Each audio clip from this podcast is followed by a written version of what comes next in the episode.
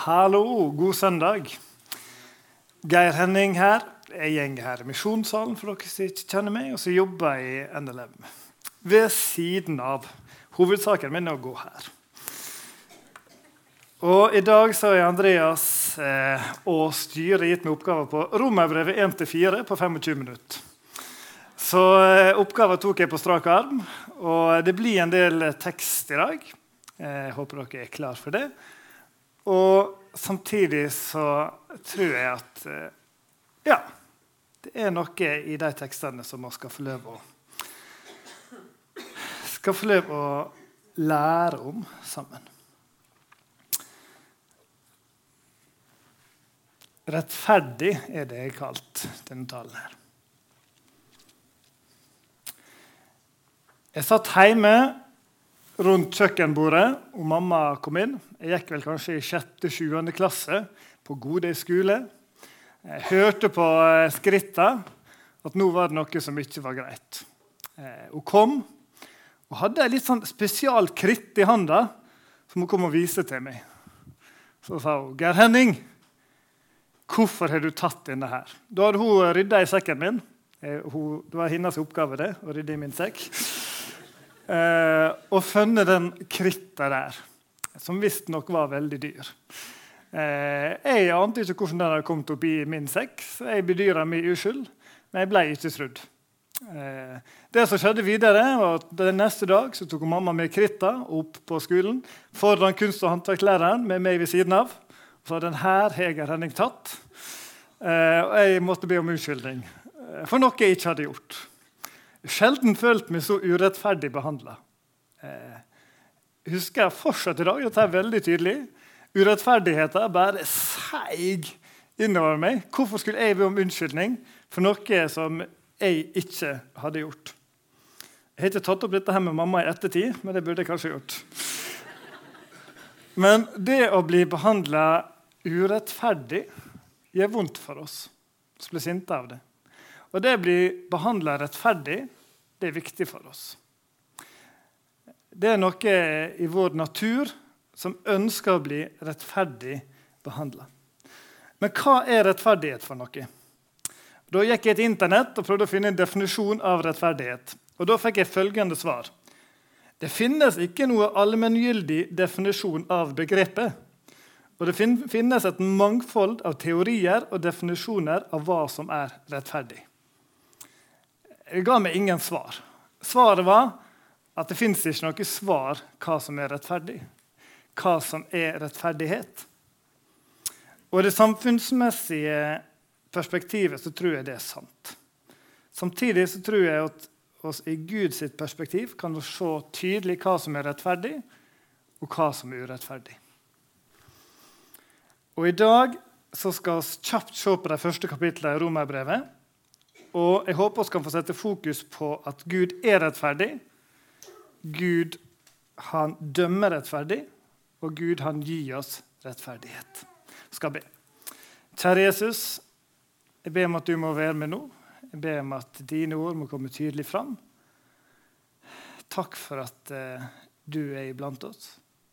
Må du være med din Hellige Ånd og med din fred. Så ber jeg om at uh, som må få møte deg i dag igjen. Amen.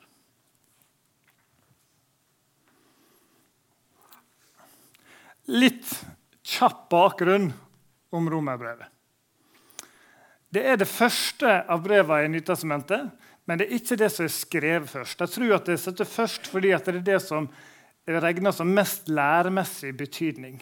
Eh, det er vel det sjette eller sjuende som er skrevet. Og Romerbrevet det er antatt skrevet i år 57 eller 58 etter Kristus. Eh, samtidig som at menigheten i Roma som Paulus skrev til, det besto av både jøder og av hedningkristne. Han tror at menigheten i Roma enten at den, I apostelgjerningene så ser oss at eh, apostelgjerningene 2 så ser oss at det var tilreisende jøder og tilhengere av jødenes tro fra Roma i Jerusalem under første pinsedag. Så det er stor sannsynlighet av de 3000 som ble kristne første pinsedag, så var noen av dem fra Roma, og de tok med seg evangeliet hjem til Roma. Det er det som man antar i dag. Og Samtidig så har romerbrevet hatt stor betydning for den lutherske lære. 1500 år etter brevet ble skrevet, så kom den lutherske reformasjonen, som tok utgangspunkt i at romerbrevet beskriver en rettferdiggjørelse. At vi blir rettferdige av tru alene og bare av tru. Så romerbrevet har vært av stor betydning for den kristne kirke gjennom alle tider. Og sannheten om rettferdiggjørelse ved trua betyr mye for oss. Jeg har ikke mye teologisk kompetanse. Jeg har ett år på Fjellhaug misjonale høgskole, internasjonale høgskole, heter det vel nå. På eh, første året på Misjonshøgskolen der. Og jeg sier det høyt jeg fikk romerbrevet litt opp i halsen i løpet av det året på Fjellhaug. Eh, og grunnen til det det vet jeg ikke, men alle tok det opp. Alle skulle prate om det.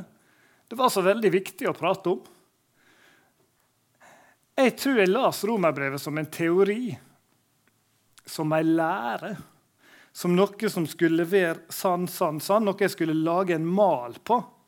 En firkanta runding som gjorde trua mi firkanta. Det likte jeg ikke. I ettertid har jeg kanskje sett at romerbrevet er et brev om liv. Et brev om liv som man skal få lov å leve på et fundament av Jesus. Og Det tror jeg kan bety noe for noen av dere andre her i dag også. For dere har hørt mange av de versene jeg sier i dag før. Som en lære, som en teori. Og det er god lære. Det er en god teori. Men det er en lære som må bli liv, og som må få grunnlag for trua vår. Romerbrevet gir meg sida av Gud og meg sjøl som er grunnleggende for mitt forhold til Han og for livet sammen med Jesus. Gi meg et grunnlag. For Hovedbudskapet for Paulus er at ordet om Jesus det skaper tru, og det rettferdiggjør oss, hun skal lese de kjente versene fra Romerbrevet 1, 16-17. Jeg skammer meg ikke over evangeliet. Det er en Guds kraft til frelse for alle som tror. Gjør det først, og så greker. For i det åpenbares Guds rettferdighet, av tro og til tro. Slik det står skrevet, den rettferdige skal leve ved tro. Dette her har du hørt før. Nå skal du få 20 sekunder til å tenke på hva betyr de versene der.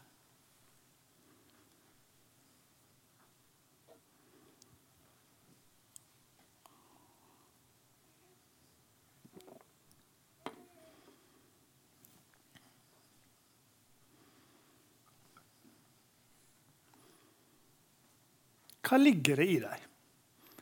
F.eks. det første. Jeg skammer meg ikke over evangeliet. Hva ligger i ordet 'skam'?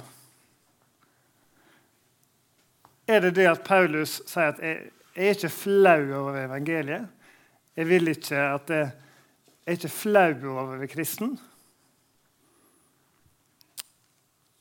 Det kan det være. Men i, i, alle fall så sier Paulus noe mer enn det.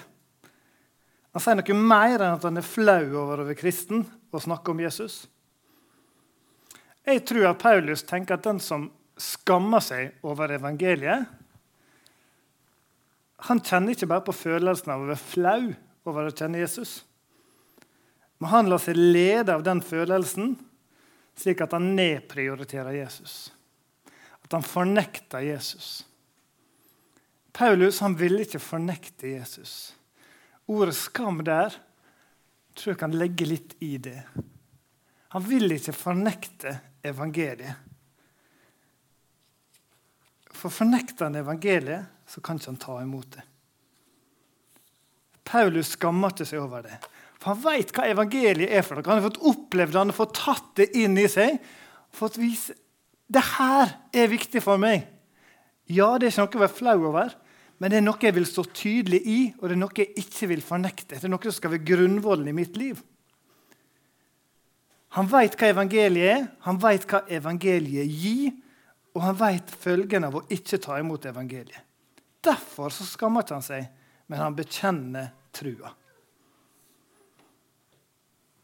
Og Det som Jesus gjorde i sitt liv og ved sin død og sin oppstandelse, det skal bære hele trua mi.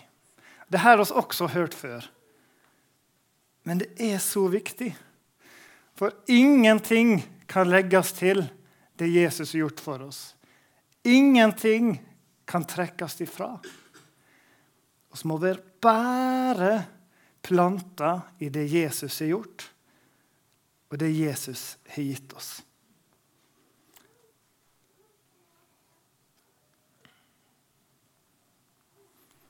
Så jeg på neste bibelvers.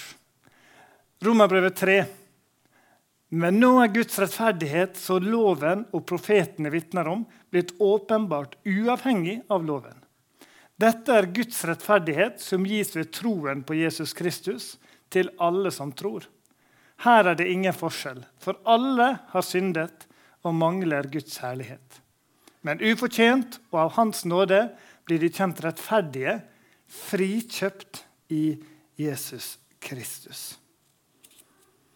Bare det rettferdige mennesket kan møte Gud rettferdig. Og Det kravet det ser ikke at Gud har firt noe på. Ikke i år 1000, ikke i år 2000 og ikke i år 2016. Det kravet det ligger der uansett, og det ligger der i dag. Og Da har vi som dere vet, to valg. Vi kan enten oppfylle loven ved å gjøre alt riktig. Eller så kan vi ta imot ufortjent den rettferdigheten som Gud har gitt oss som en gave i trua på Jesus. Når jeg taler til tenåringer, så syns jeg dette her er et ypperlig bilde. Derfor passer det godt til dere også, som alle er tenåringer her i dag. For det er noe med en domstol som forklarer det bildet og det romerbrevet sier tydelig for oss. For når en domstol dømmer en mann, hva gjør de da? De fastslår, de fastslår offentlig hva han er. Om de frikjenner han, så er det en offentlig dom på at han ikke kan påregnes noe skyld. Å bli rettferdiggjort Kom. Å bli rettferdiggjort betyr å frikjenne å bli frikjent for det han er anklaga for. Å bli erklært rettferdig av Gud. Det enestående med dette bildet her, er at når oss stender til dom, og alt oss har gjort som er gale, blir lagt foran Gud, så kommer Gud med et stempel og si 'frikjent'. Ja, skal du gå ned? Sånn. Takk. Jeg tar det på nytt igjen, så det ble litt ekstra element på scenen her. når dette her var. Å bli rettferdiggjort betyr å frikjennes for det han er anklaga for. Å bli erklært rettferdig av Gud. Oss som skyldige blir frikjent. Vi blir frikjent og rettferdiggjort av Jesus. Oss blir fråregna vår egen skyld og tilregna Jesus sin rettferdighet. Oss kan regnes som rettferdige fordi at oss stender Hvis dere ser for dere en plattform her, som er Jesus, en kapsel som vi går inn i, som blir lukka rundt, som er Jesus, som tar all min skyld og som er gitt den i gave for meg. Jeg er dekt i hans sitt verk. Og Dette her har vi hørt. Og en, Den gangen jeg tok imot Jesus, da jeg virkelig forsto dette, her, så ble dette så stort for meg. Bare, ja, halleluja, Jesus, det her er stort. Og så glemmes det litt. Har du kjent litt på den følelsen av å glemme? Glemme hva Jesus har gjort for oss. Og så tror jeg dette her ber hele livet vårt. Jeg vil at du kanskje skal få kjenne litt på det i dag. At Jesus har gjort alt. han har frelst oss. Han har frelst oss fra en rettferdig dom, sånn at oss urettferdige kan stå foran han. Og jeg tror denne rettferdigheten jeg tror at den må ikle oss hver dag. Tror det å stå opp om morgenen og si 'Takk, Jesus, for at du har frelst meg', det er en god måte å starte dagen på. Det er en god måte å minne oss sjøl på at han har gjort alt, og at vi får leve i det.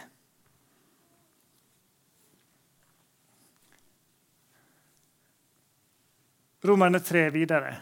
Vi vet at alt det lova sier, er sagt til dem som har loven, for at hver munn skal tie og hele verden stå skyldige for Gud.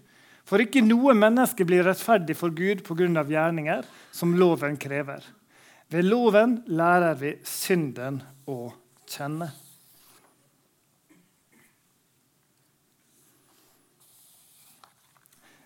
Når jeg legger meg om kvelden, så kan jeg av og til kjenne at jeg må leite litt for å finne ut hva jeg skal be om tilgivelse for. Eh, det er ikke noen god egenskap, tror jeg. For jeg tror det er mange ting som jeg trenger å be tilgivelse for. Men jeg trenger å bli minnet om det. For Hvis jeg da tar opp de ti bud, eller hvis jeg tar opp læra til Jesus og sammenligner mitt liv den dagen med det, så strekker ikke jeg til. Mye kan jeg strekke til på, men mye strekker jeg ikke til på. Da har jeg noe å måle meg opp mot. Vi kan ikke ta vekk lova. Vi kan ikke ta vekk Guds bud, for det er den som viser oss hvem Jesus er, hva oss har fått, hva gave som er blitt gitt oss. Det er den som viser oss, og som er med og er tydelig på hva Jesus har gjort, hva Gud har gitt oss. Og Paulus han er knalltydelig. Hva så? Har vi jøder noe fortrinn? Dette er egentlig sagt til jødene, men jeg tror vi kan ta det til oss i dag også. Hva så? Har vi jøder noe fortrinn? Nei, på ingen måte. Vi har jo allerede anklaget både jøder og grekere for at de alle er under synden. For det står skrevet det finnes ikke én som er rettferdig, ikke en eneste. Det finnes ikke én som forstår, ikke én som søker Gud. Alle er kommet på avveier. Alle er fordervet. Det finnes ikke én som gjør det gode, ikke en eneste. Det er viktig for Paulus å si dette ganske tydelig. Ikke én, ikke én, ikke én. Og stender alle på lik linje. Gud stiller oss på samme sted. Og Det må vi tenke på i møte med våre medmennesker. Oss er ikke bedre. Oss er på samme sted som alle andre mennesker på vår jord i forhold til Gud. Vår takk og vår kapsel er Jesus som skjuler oss. Oss er ikke rett til å dømme andre på den måten. Vi kan gi råd, vi kan være med og vise vei. Men Gud han stiller alle likt og stiller alle på samme sted. Og Paulus maler dette her ut i romerbrevet. At oss alle trenger Guds nåde. Oss alle er og stender på en måte foran Gud sånn som det er avkledd, nakne, sårbare. Men så kan jeg få lov å, å klynge meg til Jesus klynge meg til Han som har gjort det.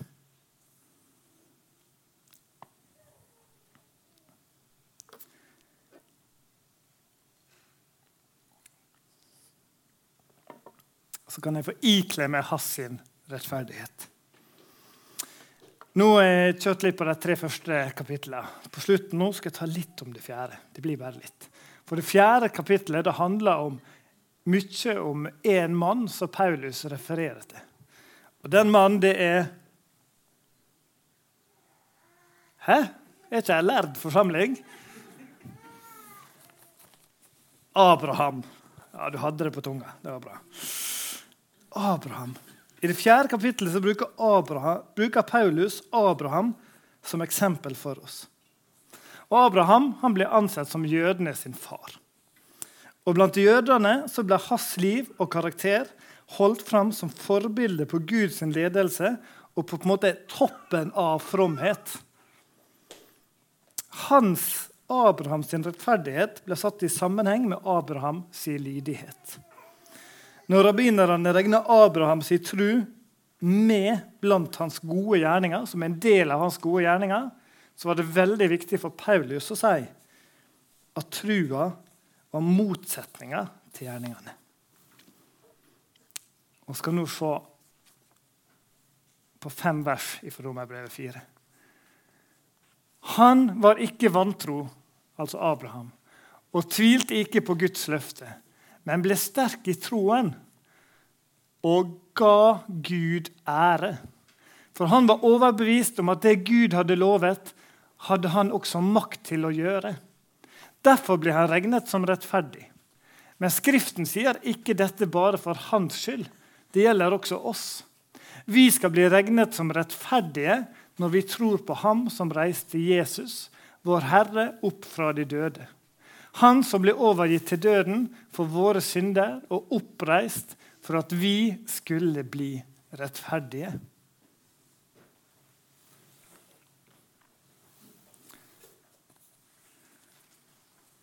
Romerbrevet det viser oss hvem oss er som syndere som trenger nåde. Romerbrevet viser oss hvem Gud er som, som Herre og som rettferdig dommer. Og Romerbrevet viser oss at oss kan bli rettferdige for Gud når vi ikler oss Jesus. Når vi tar på oss Han. Så jeg har lyst til å på slutten å ta ett poeng som ble viktig for meg i denne talen. her. Hva er Abraham sin reaksjon når han var sterk i trua? Hva var Abraham da han forsto hva han fikk fra Gud? Han ga Gud ære. Oss i NLM i B på bedehuset, når vi prater om romerbrevet, så har vi kanskje si at vårt fokus har vært på lov og på våre misgjerninger. Hva oss har gjort galt, at oss trenger Guds nåde, det er sant. Men jeg tror av og til at vår reaksjon har vært litt slik jeg tolker det, kanskje litt feil. For Jeg tror ofte å sitte igjen mer med våre misgjerninger etter en sånn tale som det her, enn å se på Guds gjerninger. For Gud har frelst oss. Målet hans er ikke at vi skal se ned på oss sjøl fordi vi ikke greier å, ikke greier å tilfredsstille lova. For det greier ikke oss. Har vi fokusert for mye på det i møte med disse tekstene her? For i møte med lova så er oss fortapt. Det er helt sant. Det er bibelsk. To streker under svaret. Helt riktig. Men Paulus bruker Abraham som eksempel og viser at han ga Gud ære. Jeg tror disse versene her skal være med oss og forstå hva frelse er, hva evangeliet er. Så skal si halleluja til Gud, som har gjort det for oss. For det er levende i dag. Halleluja til Jesus, som har frelst oss. Han har snudd alt opp ned. Han har gitt oss frelsa gratis. Han har gjort meg som urettferdig til rettferdig. Det er stort, altså. Og vi må huske å ære Gud for det. Han har gjort det for oss, og vi kan takke han for det. Og skal få leve å si halleluja til han for at han har frelst oss. Og når oss tror på han, så er oss ikledd han og står i hans rettferdighet. Halleluja betyr at vi vil love Herren, takke Han. Det må være vårt svar, at Han har gitt oss rettferdigheten i Jesus, som også er halleluja. Så er det én sang som er gått på vår CD-spiller at vi fikk en gave for et år siden. Så han har gått om igjen og om igjen i bilen. Og, eller en CD. Og den CD-en er det én sang. Og den har gått og kverna i mitt hode når jeg holdt på å forberede meg til denne talen. her. Det er en helt enkel takkesang som heter lovsang til Gud. Skrevet av en eh, gud som heter Simen eh, Aabrekk. Og Nå skal dere få høre lyden på anlegget, og teksten skal komme opp på skjermen. Så kan du, hvis du ønsker, få lov til å ta del i denne lovsangen til Gud i ditt hjerte. Som en takk til Han som har tatt all vår skyld og skam på seg. Halleluja, halleluja, halleluja.